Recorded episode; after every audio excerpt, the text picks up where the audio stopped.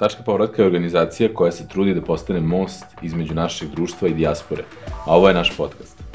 U njemu ćete čuti iskustva i priče naših ljudi iz inostranstva, naših povratnika i uspešnih individualaca koji stvaraju Srbiju. Naš danjašnji sagovornik je Milutin Nikolić koji je 20 godina živeo u inostranstvu, a evo već skoro 20 godina i nazad u Srbiji, tako da ima nekako puno razumevanja obe strane i šta znači biti dijaspora tako dugo i šta znači biti u Srbiji već praktično inkorporiran u potpunosti u društvo. I njegova lična priča o tome čime se se bavi u životu je užasno zanimljiva i mi smo se toga dotakli, ali ono što je možda još zanimljivije je šta sada radi za decu koja žive u dijaspori. On ima online školu za učenje srpskog kulture i tradicije koju predstavlja u, u našoj epizodi i čućete koje su ideje, koji su planovi. To je zaista značajno. Mi smo kroz neko istraživanje u stvari ustanovili da dosta dece u dijaspori ne zna srpski jezik i da je ovo jedna alatka koja će moći mnogima da koristi. Tako da uživajte u ovom razgovoru, on je neko ko ima, da kažem, svetsko obrazovanje, radio na svetskom, na globalnom nivou vrlo uspešno, a sada radi nešto što je na lokalnom planu jako zanimljivo, ali ima potencijal za globalnu ekspanziju. Tako da uživajte u našem današnjem razgovoru sa Milutinom Nikolićem. Milutina, dobrodošao. Bolje ti naša. Ove, kako si, kako se osjećaš po ovom uh, tmurnom februarskom danu? Fantastično se osjećam u Beogradu i lepo je da je malo zahladnilo, ova zima je bila nekako topla, tako da nije loše da bude malo i hladno. To i meni malo smeta što nema, nemamo već tri godine nismo imali nekog ozbiljnog snega, zima. Ja, ja volim sve ono, sva vremenska doba, tako kako i godišnja doba koje trebaju da imaju punu svoju snagu, a eto, nemamo već te tri godine snega. Ali nismo tu da pričamo o vremenu, ovaj, nekako smo tu da pričamo i o tvom nekom povratničkom putu i nešto uh, čime se sada zanimaš, baviš na neki način. Uh, Tako da ajde možda najbolje od toga da krenemo. Mi smo kroz neko istraživanje koje smo sada radili u okviru mapiranja dijaspore došli do podatka da sva ovaj da svako deseto dete u dijaspori ne zna srpski jezik. I sad kako zavisi kako se uzme taj podatak, verovatno je ono što smo mi nešto analizirali da i veći broj ne zna dobro srpski znači da, da se ne služi baš ovaj, jezikom kako treba, ali da zna neke osnove, pa onda roditelji odluče da štikliraju kao da zna, dete zna jezik, jer zapravo znamo da je problem mnogo veći od toga. Ti se baviš nečime što pokušava taj problem da adresira, tako da hajde molim te predstavi nam ono čime se baviš u tom nekom domenu. Veoma rado. Ja, ja mislim da je ta statistika, baš kao što si sam rekao, ima bias. Uh, ja, ja bih pre rekao da jedno dete od deset u dijaspori govori srpski. Uh, prosto zato što je nemoguće za našu decu koja odrastaju u inostranstvu da nauče srpski to je duboko, i to, by the way, uopšte nije zbog toga što se roditelji ne trude, što roditeljima nije stalo. Svim roditeljima je stalo, što je prirodno, i to je možda problem broj jedan naše zajednice u inostranstvu, to što sa decom ne mogu da razgovaraju na svom materijem jeziku fluentno, otvoreno. uh, psihološki problem u startu je taj što mi imamo asimetričan odnos sa našom decom. Uh, oni su za nas centar sveta, mi to za njih nismo. Za njih su to njihovi parnjaci i kad krenu u školu, njima centar njihovog društvenog života postaje ta škola. Ukoliko je škola na stranom jeziku, kao što je u 99, mi imamo samo jednu srpsku školu u Čikagu, Sveti Sava, mm. i sad se nešto otvara u Australiji, ali... Dobro, imamo i ono Budimpešti, ili tako? Uh, jeste, i u Zagrebu, ali mm. hoće, i Temišvar isto, mm. znači, okej, okay, nekoliko škola, ali to je bukvalno e, frakcija da, da. promila uh, dece naše koje odrastaju u inostranstvu. Gro naše dece odrasta u stranim i pohađa strane škole. Mm. Dete kad krene u školu na stranom jeziku, ono u, ne u nedeljama, nego u danima se prešaltuje na taj jezik, taj jezik postane prvi jezik, zato što mu je centar bivstvovanja, centar socijalnog kruga, centar interesa mu postaju drugari, razred i, i to je centar njegovog života tom de, dečaku ili devojčici. Uh, I često se dešava, ne često, nego skoro uvek se dolazi do regresije. Često dete dok ne pođe u školu govori samo srpske kući. A onda kad krene u školu, ne samo da mu strani jezik postaje broj jedan jezik, nego zaboravlja, uh, zaboravlja srpski koji je znalo dobro ranije. Tako da imamo decu koja sa četiri godine bolje govore srpski nego isto dete sa 14 godina. Dešava se regresija. Mm -hmm tu regresiju je do sad bilo praktično nemoguće zaustaviti. Zato što je život te dece u školi i to je njima glavni jezik, čak se razvija i averzija prema srpskom. Imamo primere, recimo, u našoj školi koju smo otvorili sad, dece koji imaju aveziju ka srpskom. Do sad se to rešavalo s državnom dopunskom školom u deset zemalja, pre svega u zapadnoj Evropi i crkvenim školama u Americi, Severnoj Americi i Australiji i Novom Zelandu. Međutim, dopunske škole i crkvene škole su škole koje se dešavaju jedan put nedeljno, koje se podučavaju po određenim programima koje nisu totalno update, uh, se dešavaju uh, u frekvenciji uh, uh, podučavaju ljudi koji su često uh, nedovoljno kvalifikovani, da li uh, popadije ili volonteri i tako dalje. E, I dešava se to da masovno treća, četvrta generacija zaboravlja srpski. Do te mere da mi imamo, recimo, parohije u Severnoj Americi, stare parohije, koje datiraju 100-130 godina, koji su osnovali, recimo, ljudi koji su pre prvog svetskog rata otišli u Severnu Ameriku. Čitava parohija ne govori srpski, znači Srpska pravoslavna crkva, čak ni sveštenik ne govori srpski. Sve se odvija na engleskom. Uh, to je veliki problem za našu zajednicu, to je veliki problem za naše roditelje i to je u stvari jedna šansa koju te naše porodice propuštaju. Velika je šansa kad vi imate srpsko dete koje odrasta u inostranstvu da bude dvojezično. E, to je ono što mi roditelji u Srbiji pokušavamo i tvoji roditelji sa tobom mm. kad si bio mali i moj sa mnom plaća, plaćali su časove engleskog, francuskog, nemačkog Tako. da naučimo strani jezik. Deca koja odrastaju u inostranstvu automatski imaju strani jezik. To im je prvi jezik. Kod njih je borba da e, ne izgube srpski, da. to jest da sačuvaju srpski i ako se uspeju da sačuvaju srpski, jezik i e, kulturni kontekst, jezik je neophodan, ali nije dovoljan, mora da postoji kulturni kontekst, da se razume istorija, da se razume umetnost, da se razume popularna umetnost, da se razume visoka umetnost, uh, da se razume kultura. uh, oni imaju šansu da budu dvojezični dvokulturni. To je ključno za povratak tih porodica, ne samo te dece, nego i njihovih roditelja nazad u Srbiju, za mogućnost povratka, ali je ključno i za njihov razvoj, jer to im daje mogućnost da postignu apsolutan maksimum tamo gde žive. E, dvojezičnost, dvokulturnost je u stvari ideal u obrazovanju, ono razvija ljude. To im dozvoljava da budu uspešniji u svojim poslovima, da budu um, otvoreniji ka svetu, da razumeju bolje svet, jer to gledaju iz dva ugla, bukvalno. Zato smo osnovali uh, prvu alatku i pružamo prvu alatku porodicama u rasejanju, to je naša nova uh, online škola srpskog jezika, kulture i tradicije Sava.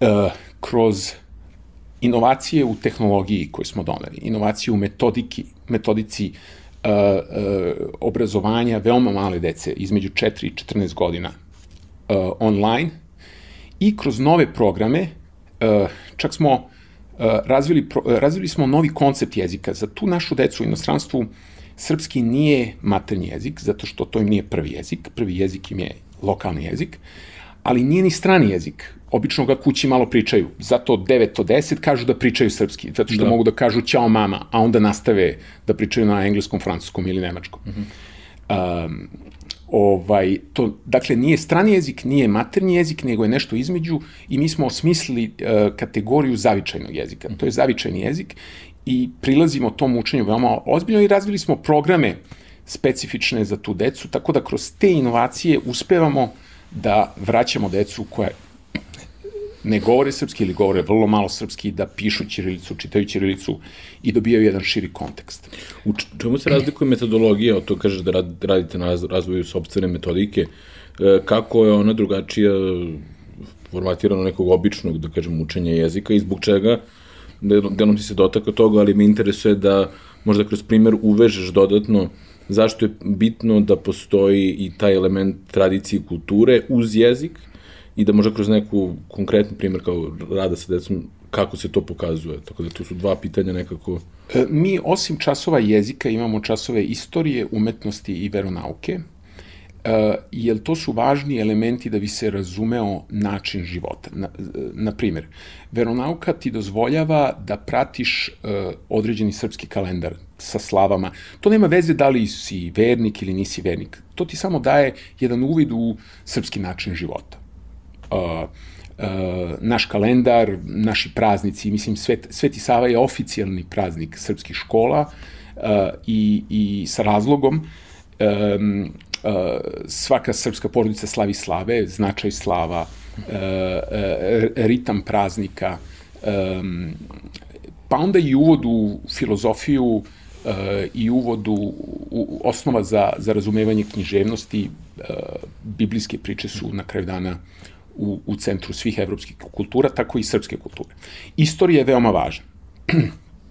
Naročito jer postoje zemlje gde se is, is, učenju istorije ne pristupa ni približno tako ozbiljno kao kod nas, a koncept istorije je veoma važan, veoma, recimo sad smo proslavili istogodišnjicu kraja Prvog svetskog rata, to je važno da razumemo ulogu Srbije, uh, ulogu uh, našeg naroda u tom velikom svetskom konfliktu. Drugi svetski rat isto, oslobađanje u 19. veku isto, srednji vek uh, takođe. Uh, umetnost, uh, književnost, um, arhitektura, um, slikarstvo, muzika, nauka, popularna kultura, recimo naši filmovi koji, ako odrastaš u Srbiji, svi smo gledali, uh, ne znam, uh, uh, du, uh, filmove Dušana Kovačevića, uh, to, to su važni elementi onoga što nam daje određene reference da možemo da se sporazumemo i da možemo efikasno da se razumemo. Da. Uh, znači, jezik da, apsolutno, ali uh, on se poklapa sa kulturom, ali nije identičan. Uh, jedno treba drugo. Uh -huh. uh, tako da, dvokulturnost i dvojezičnost je ono što je ideal. I to postižemo i to postižemo veoma brzo zato što su mala deca, ako se stvori motivacija, ako se ima frekvencija i radi po programima kojima se radi, uh, one upijaju kao sunđeri. Mi već imamo decu koja u junu nisu znali jednu reč koje, uh, srpskog, uh, danas pišu i čitaju Ćirilicu uh, i to je veliki, veoma smo, veoma smo ohrabreni rezultatima. Metoda je ta met, učenja kroz igru. Uh, glavni element u učenju je emotivna vezanost sa ono što učimo. Vi ne možete da naterate, kogod ima malo decu, zna da ne može da natera malo dete da radi nešto što malo dete ne, neće. Ja recimo imam mnogo problema da nateram moja dva sina od 7 godina da jedu brokoli. Uh, svaki roditelj to zna. To je nemoguća misija. Uči kao dosta standardan problem, da. To je nemoguća misija da ti nateraš malo dete nešto što neće. Drugim rečima, da bi malo dete nešto naučilo, ono mora da želi da to nauči. Ta naša metoda u stvari razvija tu želju kod dece. Sad, I to je veliki uspeh. Pomenu brokoli, mala anegdota, uh, glumac uh, Srđan Miletić uh, je, jedno sam sedao sa njim, on ima čerku koja je ovaj, neke vežbe imala za rame, radila, I uglavnom, u jednom trenutku um, sedimo i kaže ona, tata, je li ovo, brok, je li ovo biftek? I ovako gleda u brokoli. Kaže, jeste sine, to je biftek. I ako ono uzima boc i, i uzima, ja, što lažeš dete da je to biftek? On je uspunjio da usadi da je biftek zdrav za nju. Onda ona je zamenila reč zdravo i dobro sa biftek i sad je sve što jede biftek, e, tako da ono, ja kaže, ovo biftek, ja gledam boda brokoli, jede kao što je lep biftek, jer ništa mi nije bilo jasno. Ali nekako je uče, uspeo da je, da je nekako da racionalizuje da je to zdravo za nju, ovaj, tako da, izvini, samo to me potpuno podsjetila Ne, to je klasična priča, priča znači, ro, e, među roditeljima širom sveta, ne samo srpskim roditeljima mm. je, to je, biti roditelj je jedna velika masonerija, jedna velika tajna. Dok nemaš decu, ne znaš šta je to, kad dobiješ decu, to je otvarati se jedan sasvim novi svet, jedna nova perspektiva. Mm -hmm. I zato... I svoji problemi sa da se izmeš prekidno, da ne možeš da ga nateraš da jede brokoli, ili si uspeo nekako? Uh, pa i ja se tako dobijam, mm -hmm. ala ovaj, tvoj prijatelj sa biftekom, mm -hmm. zdravo je, nije zdravo, pojedeš samo onoliko koliko imaš godina, mm -hmm. uh, et cetera, et cetera. To je već standardne mm -hmm. strategije kako da ih nateramo, ali to je vrlo teško. Tako da, da bi se naučio jezik, mora da postoji upornost, mora da postoji frekvencija toga. To je van, znači učenje srpskog jezika za našu decu u inostranstvu je van školska, neobavezna aktivnost. I samim tim je nemoguća misija ukoliko deca to ne žele. Mi imamo tu sreću da nemamo odustajanja. Imamo 300 đaka u našoj školi, u zadnjih par meseci. Svaki dan se upisuje 10 do 20 nove dece. Uh -huh. Širom sveta imamo decu iz 48 nacija s praktično svih američkih država E, e, I ovaj, nijedno se još, u stvari na 300 se recimo ispisalo dvoje i to iz specifičnih razloga. Kako izgleda tipičan dan? Kada, kako, su, kako je formatirano? Koliko često imaju, da kažem, časove? Kako se prilagođava različitim vremenskim zonama? Imamo mala odeljenja od 3 do 5, to je veoma važno zato što se stvara socijalna uh, grupa, kao u pravoj školi prave se drugari, e, takmiči se ko brže uči, deca uče ne samo od učiteljice, nego i od druge dece. Važno je da to, bude, da to budu mali razredi i normalno onda imamo trodimenzionalnu matricu po godištu, svrstavamo decu uz svoje parnjake po godištu i uz njihov nivo jezika, a onda i u njihovoj vremenskoj zoni, pošto imamo decu u 18 vremenskih zona. Mm -hmm. Tako da je to jedan veoma kompleksan algoritam koji imamo, -hmm ali koji daje rezultate jer deca su očigledno motivisana da idu. Inače, škola je, ima probnu, je, je besplatna, prob, probni časovi su besplatni i obično kogod proba te probne časove nastavlja. Koje god dete krene, onda sa radošću ulazi u nastavak i stiče srpski jezik i kulturu kroz zadovoljstvo i radost. Pošto si rekao da je frekvencija toliko bitna, koliko te, često se dešavaju ti časovi? Imamo tri sinhrona časa i jedan asinkron. Tri uh, face to face, mm -hmm. jedan je od, jedna vrsta digitalnog domaćeg zadatka, da nešto pročitaju, mm -hmm. da mhm. nešto nacrtaju, da nešto napišu. Koliko traju časovi? Časovi traju 45 mm. minuta, standardno, međutim, sad smo baš gledali, uh, pošto imamo softver koji to prati, ovaj, uh, prosečan čas traje sat i pet minuta na zahtev dece. Mm -hmm. Naravno imamo nastavnike koji su fantastični, koji dokle god deca hoće, puštaju i nastavljaju da rade, iako je to van toga, ali to isto, to isto, to su mala deca, između 4 i 14 godina, e, i to što hoće da rade duže, to je znak da radimo nešto dobro drugim rečima da su motivisani da ostanu na času. Mm -hmm. I bukvalno to vreme na času koje ostanu i frekvencija časova čine da oni stiču srpski. I šta misliš da je neki, koji je vaš neki, da kažemo, ajde, ultimativni cilj za par godina da budete gde? Ultimativan cilj je da svako naše dete svako. u inostranstvu nauči srpski. Da bude dvojezično i dvokulturno i da može da se vrati u Srbiju ako hoće da nastavi školovanje, da studira, da doktorira, da otvori biznis, da radi, da radi praksu, da provede sabatikal godinu dana, znači, ili možda čak i nikada se ne vrati, ali da ima srpski i da tamo gde je e, postiže velike uspehe. Jer znamo da dvojezičnost kod ljudi, e, kod dece, pospešuje i učenje, znači obično su dvojezična deca, i to nevezano za srpski, bilo koja dva jezika, dvojezična deca su uspešnije u školi, duže studiraju, imaju bolji uspeh u studijama, imaju bolju prosečnu platu e, posle školovanja, -hmm. drugim rečima uspešni su. Čak postoje studije koje govore da su dvojezična deca zdravija, manja incidenca diabetesa, malignih oboljenja, kardiovaskularnih -hmm. oboljenja. Drugim rečima, dvojezičnost je zaista cilj za koji se vredi e, boriti, a mi se borimo bukvalno i online platforma nam dozvoljava da se borimo za svako dete bilo gde. Mm -hmm. Uslovno rečeno, kao što si sam rekao, u Beču, e, gde ima stotine hiljada naših ljudi, je relativno lakše da se ostane u našoj zajednici. Ali mi imamo decu na Novoj Kaledoniji, imamo decu u Saudijskoj Arabiji, imamo decu u Zimbabveu, imamo decu u, u zemljama centralne i južne Amerike, gde nema srpske zajednice ili da je srpska zajednica u tragovima. Mi bukvalno imamo dve porodice, dvoje dece na Islandu Ovaj, znači, mi, nama je cilj da se borimo bukvalno za svako dete. Svako dete koje želi da nauči, svaka porodica koja želi da im dete nauči srpski, mi im garantujemo da će im dete biti dvojezično. Da. Jasno. Koji je sada, koliko si rekao da ste već osnovani, već koliko dugo postojite? Uh, pil, pilot je krenuo letos. Uh mhm. -huh. Razvili smo metodu u koroni. Uh mhm. -huh. Kroz našu, os, mi imamo osnovnu školu u uh -huh. Srbiji gde smo morali da pređemo online zbog korone i tu smo razvili tu metodologiju i te tehnologije online školovanja male dece.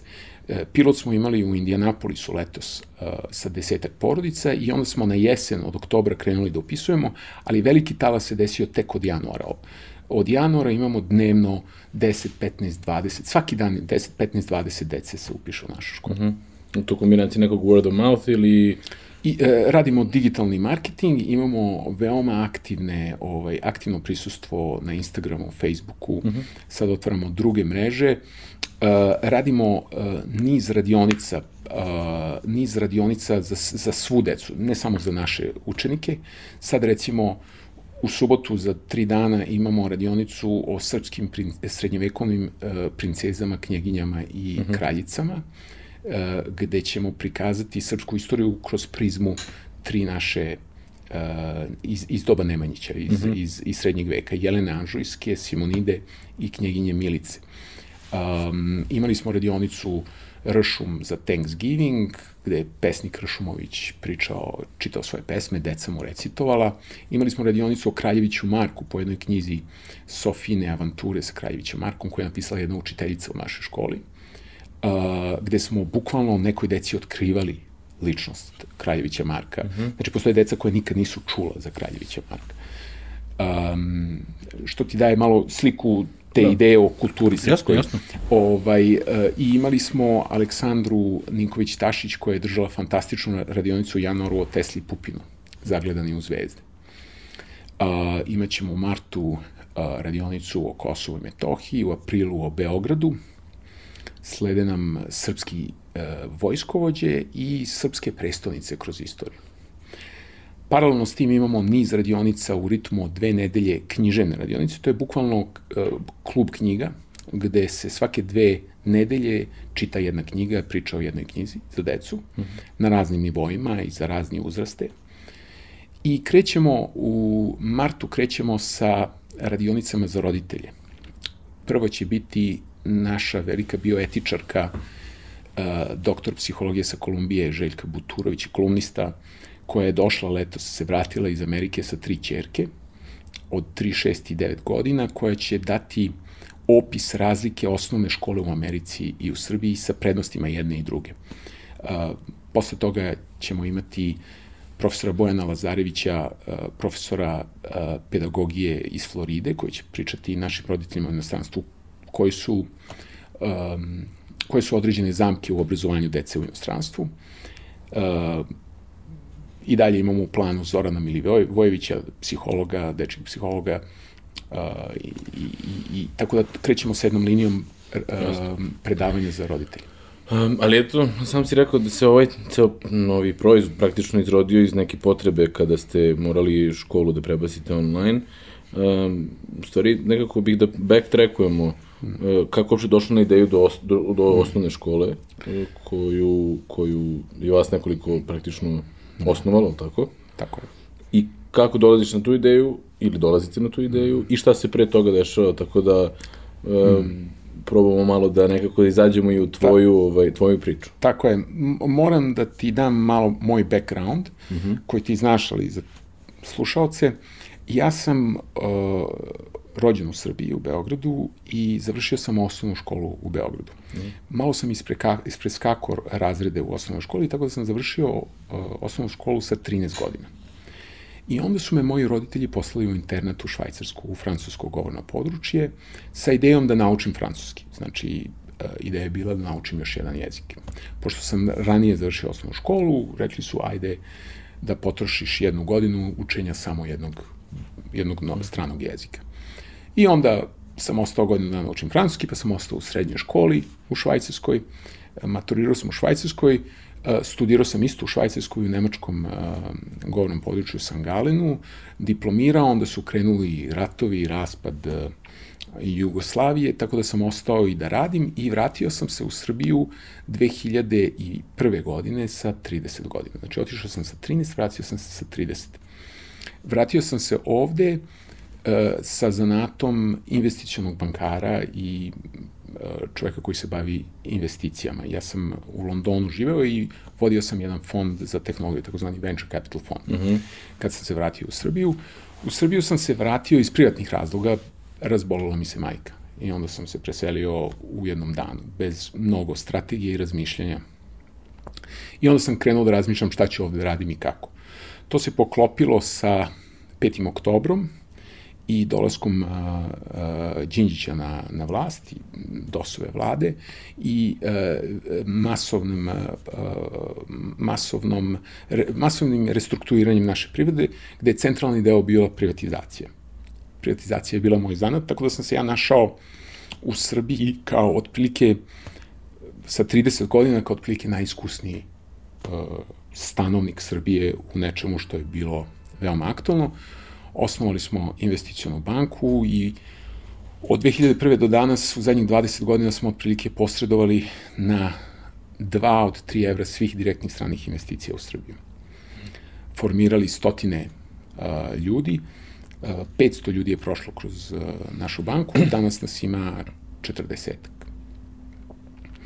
Uh, kad sam gradio i dan danas, gradeći uh, moje preduzeće ovde, ja regrutujem ljude i pošto mi radimo speci, specifičnu vrstu financija, gde nam je teško da nađemo iskusne ljude u konkurentnim firmama, uh, mi pre svega rastemo tako što formiramo mlade ljude sa fakulteta. Mi ih regrutujemo na izlasku sa fakulteta i onda ih mi formiramo onako kako mi mislimo da treba taj posao da se radi.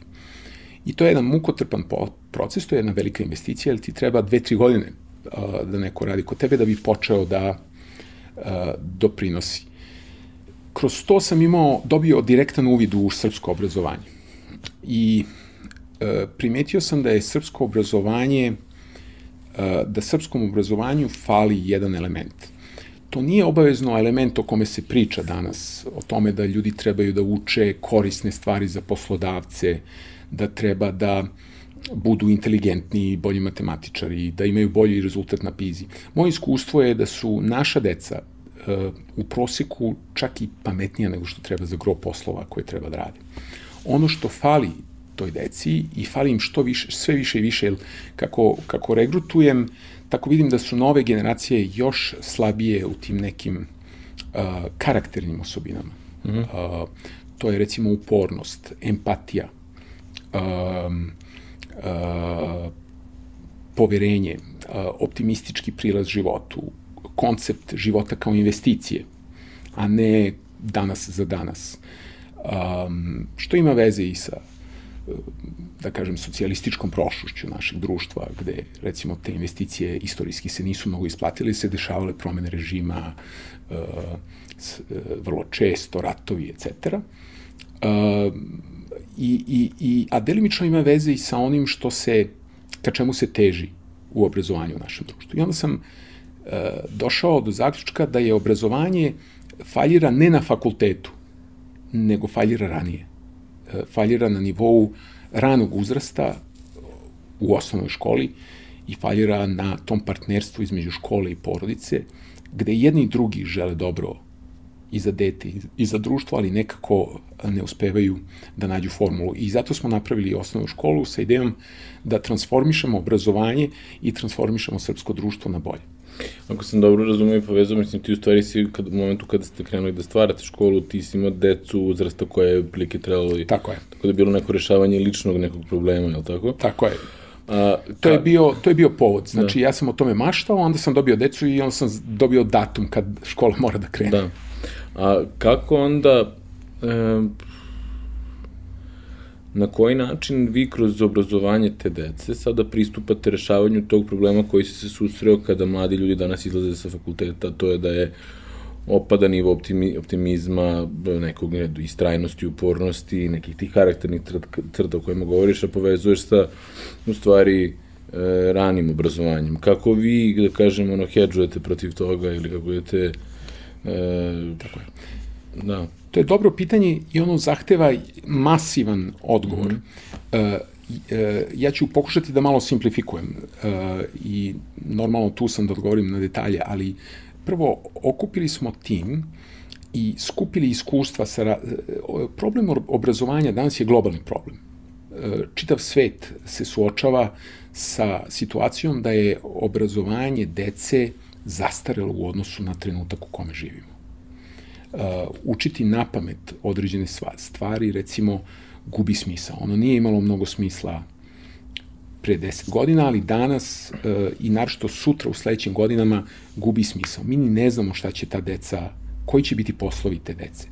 Sa četvrtom industrijskom revolucijom mi bukvalno ne znamo kako će izgledati naše društvo za 10 godina.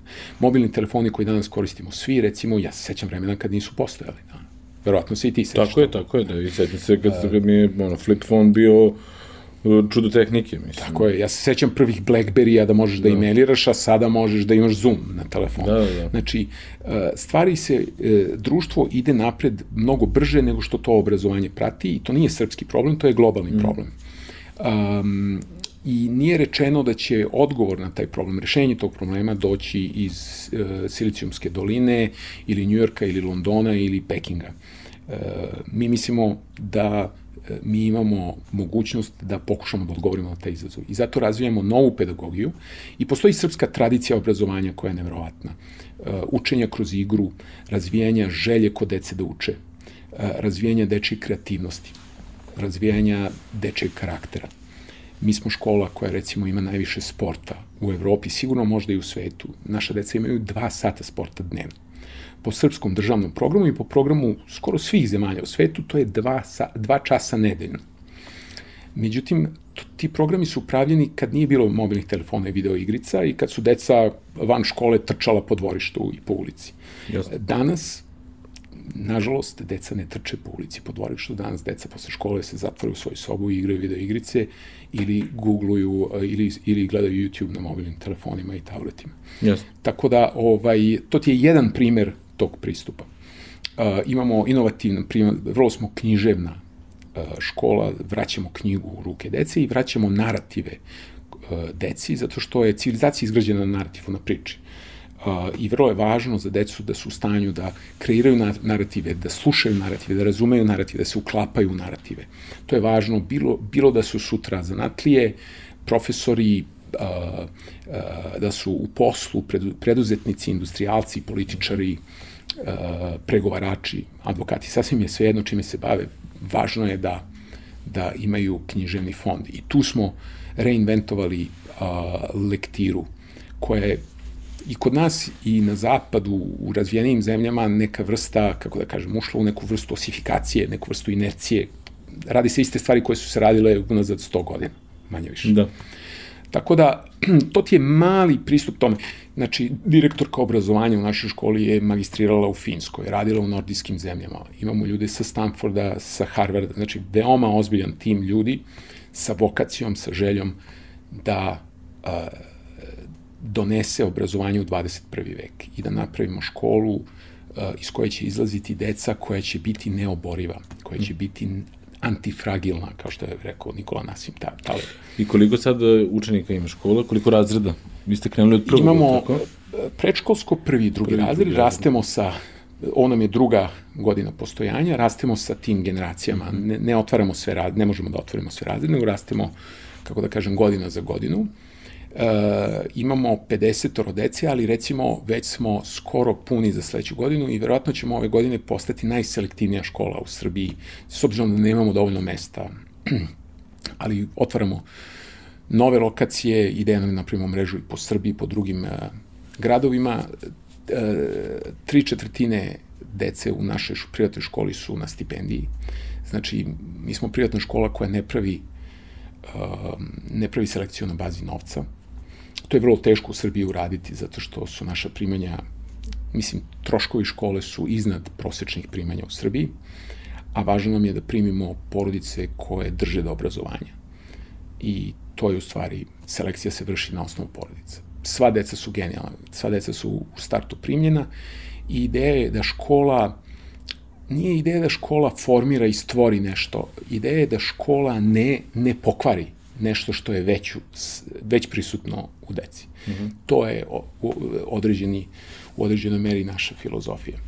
Isto tako smo srpska škola, privatne škole u Srbiji su u velikoj većini strane škole. Uh, mi smo srpska škola iz niza razloga, pre svega zato što u Srbiji ne može da se napravi dobra škola da nije srpska škola, uh, jer resursi, kadrovi su na srpskom uh, dostupni, a na stranim jezicima manje. Um, ukorenjeni smo u srpskoj kulturi i tradiciji, uh, zato što je važno znati odakle čovjek potiče. Ja bih recimo voleo za moje decu da sutra studiraju na velikim univerzitetima širom sveta i da stiču iskustvo u inostranstvu, da mnogo putuju, da mnogo iskuse, da imaju um, kom, kompleksne živote, ali da bi u tome uspeli u punoj meri, moraju da znaju odakle potiču i moraju da znaju odakle dolaze. Tako da i to je jedan važan aspekt naše škole. A onda metoda učenja matematike, naš prvi razred, u prvoj godini postojanja prošle godine, naš prvi razred imao najveći uspeh na matematičkom, tak, na republičkom matematičkom takmičenju. Kao što znaš, republička matematička takmičenja u Srbiji su vrlo važna stvar. Da. Uh, tu se lome mnoga kopija i tu ima mnogo ambiciozne i pametne dece. Mi smo postigli neverovatan uspeh. 80% razreda je učestvovalo, 60% razreda je dobilo nagrade. Nijedno dete nije dobilo prvu nagradu, što govori da se ne radi o genetskoj lutriji, nego se radi o, o sistemu. Radi se o sistemu. Da. A, kažeš, evo sad, malo možda da se ipak opet nekako donekle vratimo na, na nešto čega smo se dotakli, ti si se 2001. vratio, tako? Jeste. I tu si sada, eto, već 20 godina, znači od 20 godina si bio otprilike u inostranstvu, 20 godina ovde. I šta, Tako je. Ka, koje su ti nekako sada glavne utisak kada možeš da staviš te dve stvari na nekom, u svom svesnom životu, da kažemo, ono, de, neke desete ili kada već si, ono, kada si, kada staviš te dve stvari na, na koje vidiš da su ti najveće mane života ovde i prednosti života ovde i mane života u inostranstvu i to. Da. Uh, ja to ne bih gledao sa negativne strane. Ja mislim da je fantastično ići u inostranstvo. Znači, ta priča, prvo, odliv mozgova je ružna reč. To mi, kori, mi koristimo, mi promovišemo cirkularnu migraciju. Tako je. Potpuno normalno da Tako se ode, je. potpuno normalno da se vrati, potpuno normalno da se ponovo ode. Tako je. Zato, zato mi se strašno sviđa to što vi radite, ali ta floskula odliv mozgova, koja je u stvari prijevod sa engleskog, brain drain, mm -hmm. a brain drain je zato što se rimuje, a mi smo to bukvalno preveli, da. je loša reč. E, da neko ode da studira, da doktorira, da radi, da zarađuje u inostranstvo, apsolutno nije negativna stvar za naše društvo, nije negativna za, za, za tog pojedinca, za njegovu porodicu ili njenu porodicu i za naše društvo. To je pozitivna stvar. Mm -hmm. Tako da, otići u inostranstvo je apsolutno super i ja stvarno pozivam sve da. da to jednom u životu iskuse. Možda ne sa 13 godina kao ja, možda kasnije, možda ranije, možda tamo amo, iz dva, tri maha, ali što više iskustva u što više zemalja u inostranstvu ne može da bude loše. Tako da ja, ja sam mnogo dobio. Prvo, ja sam odrastao u Švajcarskoj, to je jedna specifična kultura od koje sam mnogo dobio. To je kultura poštenja, pre svega jedan pošten, radan narod, gde sam ja mnogo naučio. Uh, osim jezika sam uspeo da upijem malo toga ako ništa recimo tačnost, ja sam u mom društvu i mojoj porodici bukvalno švajcarac, ako se dogovorimo o pet, onda je to pet, nije pet i pet, nije, nije pet do pet, nije pola šest, nego je pet. Um, posle toga sam živeo u Sjedinim državama i u Engleskoj i to su isto društva i delovi mog života gde sam mnogo dobio. A onda sam se sa 30 godina vratio, kao što sam ti ispričao, vratio sam se uh, sklopom okolnosti. To nije bila nikakva strategija, niti je bilo nešto mnogo promišljeno. To je bila bukvalno emotivna odluka da se vratim instantno. Uh, ali gledajući unazad, to je ispala možda najsrećnija okolnost u mom životu. Jer sam se vratio u Srbiji i živim zadnjih 20 godina u Srbiji i uh, ne vidim sebe da živim bilo gde drugde bez velike prinude. Um, postoje niz negativnih stvari u Srbiji, recimo u mom poslu je ovo relativno malo tržište. Mm -hmm. a, verovatno bih a, mogao više da zaradim na većim tržištima Zapadne Evrope, Kine, Rusije, Indije. Um, s jedne strane, ali s druge strane, sladost života, sloboda, koja danas postoji u srpskom društvu, pripadnost zajednici, dodatna motivacija u čemu, svemu što se radi, e, gde mi uspevamo da gradimo nešto što možda, možda će trajati malo duže od nas. Ja da radim na Wall Streetu u financijama, ja bih gledao koliki je moj ček u godišnjem bonusu i to bi mi dalo određenu satisfakciju. Ali ne bih imao čak ni iluziju da gradim nešto što će ostati posle Dugotrajno, da. Dok ovde, bukvalno sve što radim, čak i finansijski posao koji radim, ima svog efekta, školujemo neku decu, Razvije se tržište. razvijamo neke firme, pomažemo nekim srpskim preduzetnicima da postižu uh, uspeh i to daje ekstra motivaciju i ekstra smisao mom životu. Uh mhm. -huh. Tako da, kod mene ne postoji sumnja da je život u Srbiji pravo rešenje za mene. Uh mhm. -huh. Mislim, mislim da si jako dobro nekako predstavio oba ugla i tako se vrlo slično si verbalizovao sve neke stvari koje, koje ja ono, inertno osjećam u sebi onako um, baš na, na tragu toga imamo neka pitanja koja postavljamo sada svim gostima, imam dva neka pitanja koja su mi zanimljiva, uvijek su nekako drugačiji odgovori. Prvo pitanje je da imaš magični štapić, ono tipa, da imaš na 24 sata pauzu, da napraviš jednu promenu u srpskom društvu, a, i da sutra za 24 sata svi se probude i tu odluku prihvataju kao, ono, kao given, kao datu. Koja bi to promena u našem društvu bila? Po meni, promena broj jedan i ostatak mog života ću provesti da je dovedem, je ta da ja mislim da obrazovanje mora da postane centralna tema u našem društvu. Mm. Ne politika, ne ekonomija, čak ne ni kultura, ni umetnost. Sve su to važne teme, ne govorim ja protiv da, tih tema. Naravno. Ali rekao bih da naša obsesija treba da postane obrazovanje, jer kroz obrazovanje se ukrštaju sve ove ostale teme. I ukršta se ono što se zove uh, igra na dugi rok. -hmm. I mi treba svi da krenemo da igramo na dugi rok. Treba da gledamo šta će da se desi za 10-20 godina. 10-20 da. godina prođe vrlo brzo. Da. Vrlo brzo. Evo, prošlo je 20 godina od 5. oktobra. A bilo je kao da je juče. Svi se sećamo. Tako je. Ovaj, tako da dovesti obrazovanje u fokus naših stremljenja, naših debata, ne moramo da se složimo, ali ajde da pričamo, ajde da ukrštamo, ajde da pravimo razne ajde, neka, neka se otvori razne druge škole, neka se ljudi koji se ne slažu, recimo, sa našim Pristupom, modelom, da. naprave neki novi model. Možda će taj model da uspe, možda je to pravi model. Ali hajde svi da se bavimo tim. Um, recimo, mi smo jedina škola, uh, jedina srpska škola sa obaveznom veronaukom. Mhm. -huh to je sad naša odluka i ja mogu da ti je objašnjavam, ali neko možda kaže ne, ja neću to, ja hoću nešto drugo i to da. je okej. Okay. Uh, hajde da pričamo o tome, hajde da pričamo zašto. Uh, hajde da pričamo zašto književnost, zašto knjiga. Hajde da pričamo kako prići matematici. Hajde da pričamo da li je važnije uh, za našu decu da imaju, da razvijaju empatiju ili da budu dobri matematičari. Ja mislim da je mnogo važnije da razvijaju empatiju.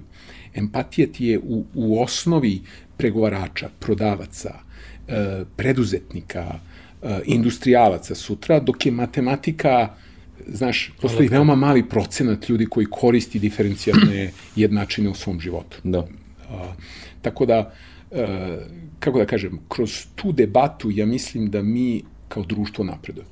I, I investiramo i razmišljamo o dugom roku. I svaka ta investicija, svako to razmišljanje nas gura i kulturu, i ekonomiju, i politiku napred. Da. E, to, je, to je jedno pitanje, a drugo pitanje je, ti i ja smo se upoznali pre nekoliko nedelja um, i ti si mi tom prilikom doneo na poklon knjigu. I hvala ti na tome, negde sam na nekoj polovini i vrlo je, vrlo inspirativna knjiga i vidim um, sada kako te bolje upoznajem, vidim neke poveznice, jasno mi je zbog čega ti je ta knjiga toliko i, i, i značina i mogu da pronađem vrlo zanimljive stvari za sebe u njoj ali evo baš možda je, možda je to odgovor na to pitanje, ali pitanje je koju knjigu si najviše puta poklonio nekom u životu? Verovatno tu koju sam poklonio tebi. A, to je knjiga Život čoveka na Balkanu uh mhm. -huh. od Stanislava Krakova. A, e, remek delo, remek delo srpske literature, koje ima tu nesreću da ga je napisao sestrić Milana Nedića. Uh mhm. -huh sestrić Milana Nedića, koji je bio proskribovan, koji je bio prvo u imigraciji, on je pobegao i umro u Parizu 60. godina, ovaj, a je bio izbrisan iz naše lektire i kulture tokom 50 godina, pa u nekoj inerciji dan danas se o njemu mnogo ne priča. Mm. Zbog te nesrećne okolnosti da je bio rođak kvinsliškog uh, premijera Srbije. Da. Uh, On je inače sin uh, sestre Milana Nedića, koja je inače velika porodica, potiče od braće Nedić sa Bojana Čokešini, znači vojvodska porodica iz prvog srpskog ustanka. I uh, poljskog lekara koji je došao u Srbiju, pokrstio se u pravoslavlje i postao dvorski lekar kralja Milana. On je sa 16 godina, bukvalno pobegao iz uh, srednjoškolske klupe u Dobrovoljce Vojvode Vuka, u Balkanskim ratovima i Prvom svetskom ratu i to je knjiga koja priča njegovo iskustvo tokom Balkanskih ratova i Prvog svetskog rata i to je jedna, kako da kažem, aristokratska vizija tog perioda naše kulture. Mi imamo velike knjige iz tog perioda i velika svedočanstva koje su mahom potiču od velike mase tih naših vojnika u Prvom svetskom ratu, a to su bili seljaci. E, recimo srpska trilogija, pa čak i e, vreme smrti Dobrice Ćosića, to, su, odre, to, su, to je jedno određeno popular, popularan pogled na to. Ovo je pogled e, aristokratski da. na, na taj isti period i to je jedno vanredno delo. To je inače bestseller koji, iako je nepoznat, se prodaje u desetinama hiljada primjeraka i sad skoro ga je izdao jedan moj a, prijatelj izdavačka kuća Logos i ja onda kupujem od njega to en mas i poklanjam prijateljima i poznanicima i drago mi je da ti se svidao zato što to je jedna od mojih omiljenih knjiga. Da, fenomenalno. Za sada stvarno još uvek nisam ono, da kažem, zadnju stranu pre ovaj, zatvorio, tako da ne mogu da da napravim celokupan utisak, ali fenomenalno sad vrlo vividna jedna priča prosto taj uvodni deo ono, Balkanski ratovi i početak Prvog svetskog rata delo je nerealno da se jednom čoveku toliko stvari na taj način sa toliko, po, da kažemo, poznati tada srpskih glava desilo u istom, ovaj, u jednom životu. Mislim, zaista je e, posle dugo, dugo vremena sam imao osjećaj kao da gledam thriller, a ne da čitam knjigu. Mm. Ovaj, I to baš me onako sa te strane uzbudila me knjiga. Čitao sam je stranicu za stranicu kad sam imao priliku, tako da... Mi sad smo, e, pravimo podcast, recimo, a Stanislav mm. Krakov je bio pionir u novim tehnologijama u to doba. Mm. On je pokrenuo kinematografiju u Srbiji posle Prvog svetskog rata.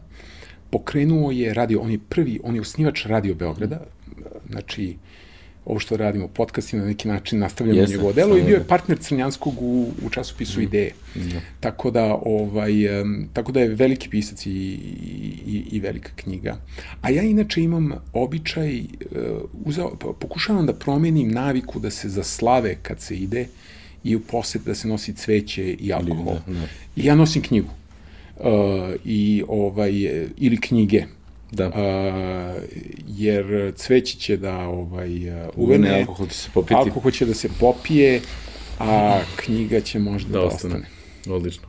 Hvala ti puno na, na tvom gostovanju kod nas. Radujem se i tom podcastu koji pravite.